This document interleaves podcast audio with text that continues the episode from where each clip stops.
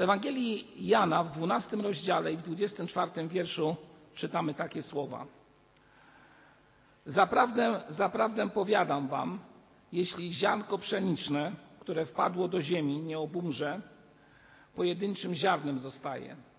Lecz jeśli obumrze, obfity owoc wydaje.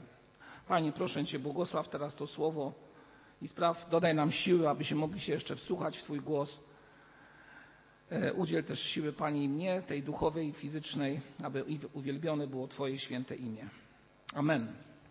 Moi drodzy, tak jak powiedziałem skrótowo, parę myśli pozwólcie, że przekażę właśnie na temat między innymi tego fragmentu i tego, który czytał brat Samuel, brat pastor Samuel przed e, nabożeństwem. A więc e, ziarnko pszenicy. Byśmy powiedzieli, to czas, kiedy w żniwa opowiadamy o tym, co dzieje się właśnie z takim ziarnem.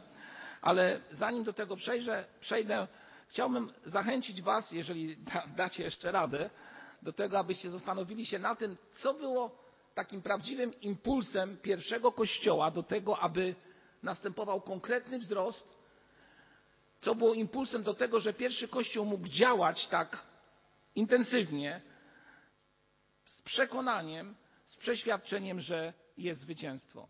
Ja sobie tutaj wypisałem kilka myśli, a myślę, że też każdy z Was będzie miał na to odpowiedź. I myślę sobie tak, że na pewno, tak w zaprzeczeniu powiem, tym impulsem do działania pierwszego kościoła wcale nie była do końca mądrość apostołów, chociaż może powiedzieć, o, przecież to byli ludzie ze szkoły Jezusa Chrystusa. Wcale nie była ich wiedza biblijna, odwaga czy też posłuszeństwo. Te wszystkie sprawy są ważne. Ale przede wszystkim, mówiąc o tych czterech rzeczach, czyli o mądrości, odwadze, posłuszeństwie i wiedzy, coś to wszystko spajało coś było klamrą tego impulsu, który powodował, że pierwszy kościół się rozrastał. A mianowicie tym impulsem było to, o czym czytamy w dziejach apostolskich w piątym rozdziale i e, czterdziestym drugim wierszu. Przeczytajmy ten fragment i zobaczymy tam, myślę, że bardzo istotne świadectwo, które mówi o właśnie działaniach pierwszego kościoła. Nie przestawali też codziennie w świątyni i po domach nauczać, i uwaga, zwiastować dobrą nowinę o Chrystusie Jezusie. Impulsem w działaniu pierwszego kościoła było to, że trwali w uczniostwie, czytamy tutaj o domach, bo wtedy nie było katedr ani kościołach, kościołów, a druga sprawa, to co nauczyli się w tym uczniostwie, przekładali i dzielili się dobrą nowiną, czyli Ewangelią z innymi ludźmi. To było prawdziwe życie. To było prawdziwe działanie Kościoła. To może być prawdziwym działaniem Kościoła także i dziś pośród nas. Wczoraj rozmawialiśmy tutaj, e, mówiąc o planach, czy też tworząc plany dotyczące naszego zboru, oczywiście w modlitwie z Bożą pomocą, o tym, co jest istotne w działaniu, o ewangelizacji. I myślę sobie tak, że właśnie te dwie sprawy, a mianowicie uczniostwo i potem dzielenie się dobrą nowiną, to są te dwa podstawowe impulsy, które powodują, że Kościół może prawdziwie się rozrastać. My znamy historię i wiemy, że ten Kościół w Jerozolimie w pewnym momencie, chociaż były te impulsy bardzo mocno widoczne w życiu apostołów, którzy byli przecież ze szkoły Chrystusa, jednak lekko się zasiedział. I zadam Wam pytanie, co zrobił Pan Jezus Chrystus, kiedy Kościół w Jerozolimie, ten pierwszy Kościół, pomimo tak wspaniałego impulsu do głoszenia Ewangelii, nie szedł tak dynamicznie dalej do przodu. Bo taki okres też nastąpił. Po jakimś czasie. Prześladowanie, dokładnie. Czytamy o dwóch takich, można powiedzieć, sprawach, a mianowicie najpierw mowa o Szczepanie, diakonie, a potem w dziejach apostolskich czytamy Y, w dwunastym rozdziale i drugim wierszu takie słowa. Od, właściwie od pierwszego. A w owym czasie targnął się król Herod na niektórych członków zboru i począł ich gnębić. Jakuba, brata Janowego, kazał ściąć. Prześladowanie stało się kolejnym z impulsów do tego, że zbór w Jerozolimie zaczął głosić poselstwo dalej. I teraz mówiąc o tych sprawach, chcę powiedzieć Wam, o bardzo ważnej, istotnej sprawy z perspektywy naszej, a także tych dzieci, które tutaj przed chwilą stały. Prawdziwe życie chrześcijańskie przynosi owoc. Jaki to jest owoc? Możemy mówić o moralności, o dobrym zachowaniu, o wielu sprawach. Ale myślę, że prawdziwym owocem jest Twoje i moje zmienione życie, które tak się kształtuje i tak jest prowadzone przez Ducha Świętego, któremu pozwalamy działać w naszym życiu, że potencjał, który jest w każdym człowieku, staje się błogosławieństwem dla innych ludzi. Że już nie jesteśmy tylko sami dla siebie, ale jesteśmy dla drugiego człowieka. Nie wiem, czy zauważyliście, jakie tutaj też było przesłanie, kiedy tak wiele osób dziękowało sobie wzajemnie. Dziękujemy Ci za Twój czas, który poświęciłeś, że tam nie poszłaś do kosmetyczki, pozrobiłaś coś dla dzieci. Słyszeliśmy wiele różnych słów, które tutaj padały. I bardzo istotne, istotne stwierdzenie. Czyniąc coś dla drugiego człowieka, sam otrzymujesz błogosławieństwo od Boga. Dzieląc się dobrą nowiną z drugim człowiekiem, otrzymujesz to, co najistotniejsze pokój do serca. W każdym z nas jest potencjał do tego, aby ten potencjał mógł być wykorzystany przez Chrystusa w dziele, czy to głoszenia dobrej nowiny, służby drugiemu człowiekowi, bycia dla drugiego człowieka kimś bliskim. Potencjał. Nie tylko w tych małych dzieciach, ale w każdym z Was. W każdym z Was. Albo inaczej powiem, każdym z nas, bo to dotyczy także mojej osoby. Potencjał. I teraz tak, czytaliśmy fragment o małym ziarenku. Gdy zmielimy małe ziarenko, co otrzymamy? To jedno małe ziarenko. Trochę mąki, tak? Niewielką ilość. Znikomą ilość. I myślę, że każdy z Was już wie, co teraz powiem. Gdy to ziarno damy do ziemi, wynada, wyda ono owoc. A więc, gdy będziemy tym małym ziarnem, który samo w sobie ma potencjał, ale jest tylko ziarnem, i nawet pozwolimy, aby coś się z tym działo, ale nie z perspektywy zasiania przez Boga, tylko z perspektywy jakiegoś chwilowego działania, przyniesiono mały rezultat. Mały rezultat. I tutaj rozpoczyna się ta nauka, która często jest powtarzana w okresie świąt dziękczynienia Panu Bogu za czas plonów i tak dalej. Coś musi obumrzeć, aby stać się błogosławieństwem dla wielu. Coś musi się, że tak powiem, skończyć, aby mogło się coś zacząć. W chrzcie mówimy właśnie o tym, że kiedy człowiek jest zanurzony, umiera stary człowiek w sposób symboliczny, a powstaje nowy człowiek, który jest wartością bezpośrednio daną od Boga. Nowy człowiek, w którym jest potencjał, którego Bóg może użyć. Ale, żeby ten potencjał, żebyście wy i ja byli użyci w służbie dla naszego Pana Jezusa Chrystusa, coś musi w Twoim i moim życiu się skończyć.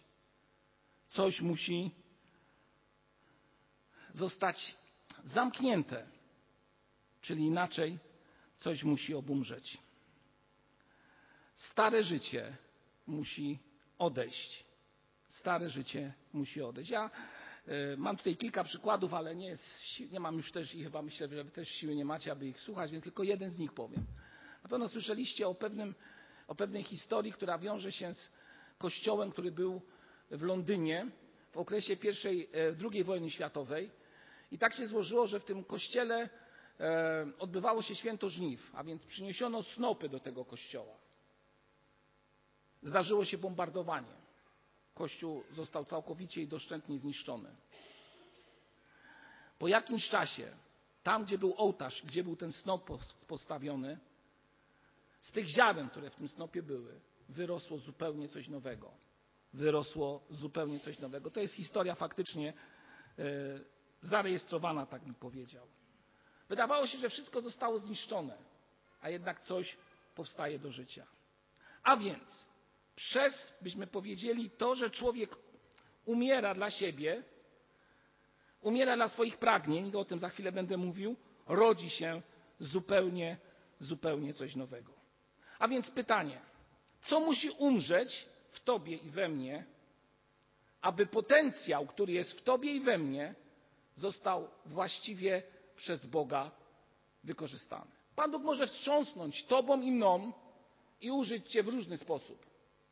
Ale dziś jest czas, abyśmy uczyli się, abyśmy czynili decyzje do tego, aby coś w Twoim i moim życiu się skończyło, aby Duch Święty mógł w Tobie i we mnie działać. A więc co musi umrzeć? Po pierwsze, tak zwane, tak zwane dbanie o to, co dotyczy mojego ja, mojej reputacji, mojego wizerunku, wielu takich spraw, które są dzisiaj jakże bardzo istotne.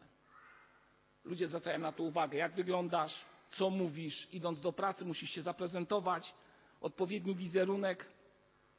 Jest to konieczne, byśmy powiedzieli w dzisiejszym czasie. Najgorszą sprawą jest to, gdy idziemy do kościoła i próbujemy pokazać siebie takimi, jakimi faktycznie nie jesteśmy. Wtedy rodzi się to, co jest bardzo przeszkadzające, tak bym powiedział, w Twoim duchowym rozwoju. Musi być w Twoim życiu, w moim życiu, pragnienie tego, aby to, co dotyczy doczesności, mojej zewnętrznej reputacji, po prostu umarło. Bo kiedy to umiera, umiera też i pycha, która jest w nas, która jest we mnie. I wtedy, kiedy to umiera, możemy zacząć służyć naszym nieprzyjaciołom, możemy walczyć i bronić ich praw, a nie moich. Druga sprawa. Musi umrzeć pragnienie komfortu, które jest w każdym z nas, w Tobie i we mnie. Moi drodzy, gdy tak sobie myślę jeszcze o czasach 30 lat do tyłu, ludzie chcieli mieć w swoim życiu jakąś doczesność w miarę komfortową. Ale jak śpiewał piosenka, jeden z piosenkarzy tamtego czasu, komfort ówczesnego czasu sprowadzał się do czego? Do mieszkania i do małego Fiata. Pamiętacie te stwierdzenia? Dziś są o wiele bardziej wyciągnięte oczekiwania ludzkie. Czy to jest złe? No przecież jesteśmy i korzystamy z tego.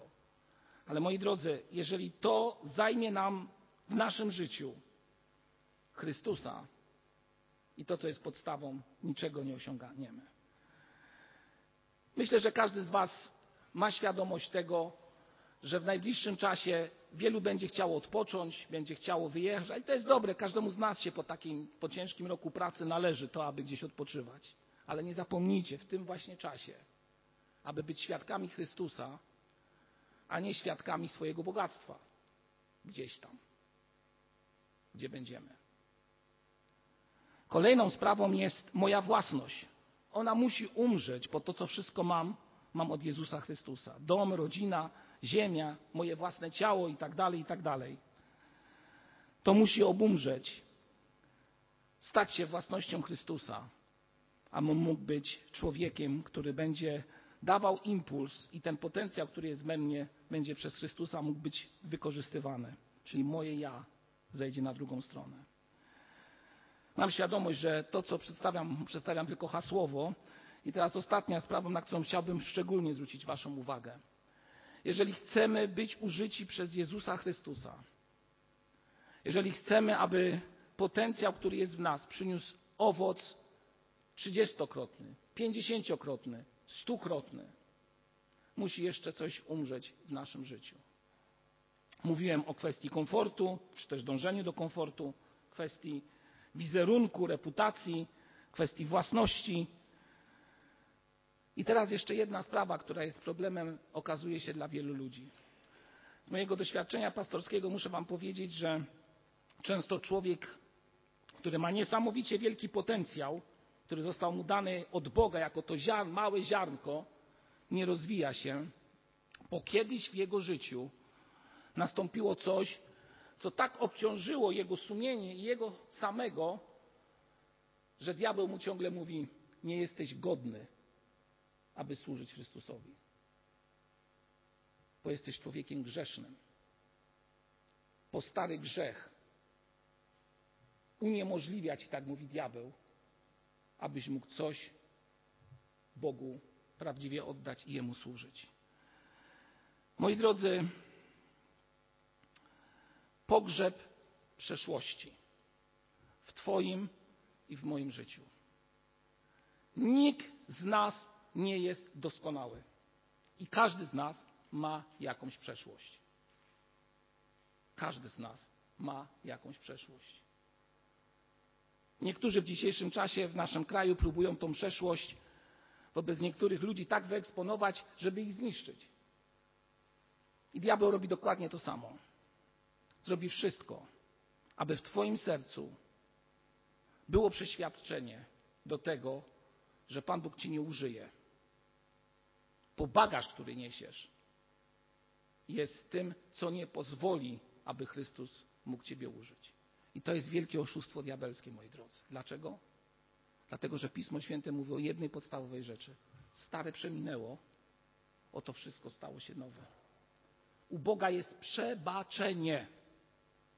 U Boga jest przebaczenie wszystkiego. Niezależnie w którym miejscu byłeś w swoim życiu, co zrobiłeś, jaki, jaki wyrzut sumienia jest w Twoim sercu, niezależnie od wszystkiego, co powoduje, że może wstydzisz się swojego życia.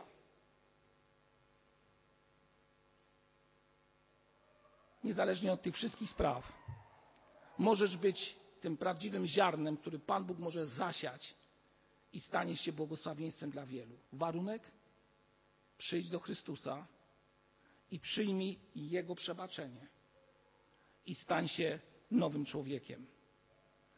Kościół w Jerozolimie, ten pierwszy kościół, to był kościół ludzi, którzy przyjęli przebaczenie od Chrystusa. I z tym przebaczeniem szli do innych ludzi, mówiąc, co mówiąc, że Chrystus im przebaczył. Bo moi drodzy, lud wcale nie chce słuchać doktrynalnych rozważań.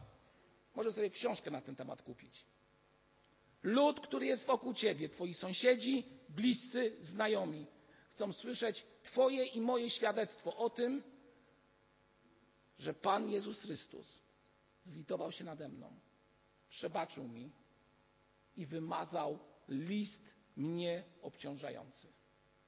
I tak jak czytamy w tym fragmencie z drugiego listu Pawła do Koryntian z rozdziału 5 i wiersza 17, gdzie jest powiedziane w ten sposób: Tak więc, jeśli ktoś jest w Chrystusie, nowym jest stworzeniem. Stare przeminęło, oto wszystko stało się nowe. Pozwól, pozwólmy, aby coś umarło w nas, nawet z tego zrezygnujmy, aby nowy człowiek mógł powstać i stać się błogosławieństwem dla wielu. Patrzmy na Chrystusa, w którym jest przebaczenie. Nie mówmy, że to symboliczne ziarno, którym jestem ja, jest zbyt słabe i jest obciążone zbyt małym potencjałem, aby być błogosławieństwem dla wielu.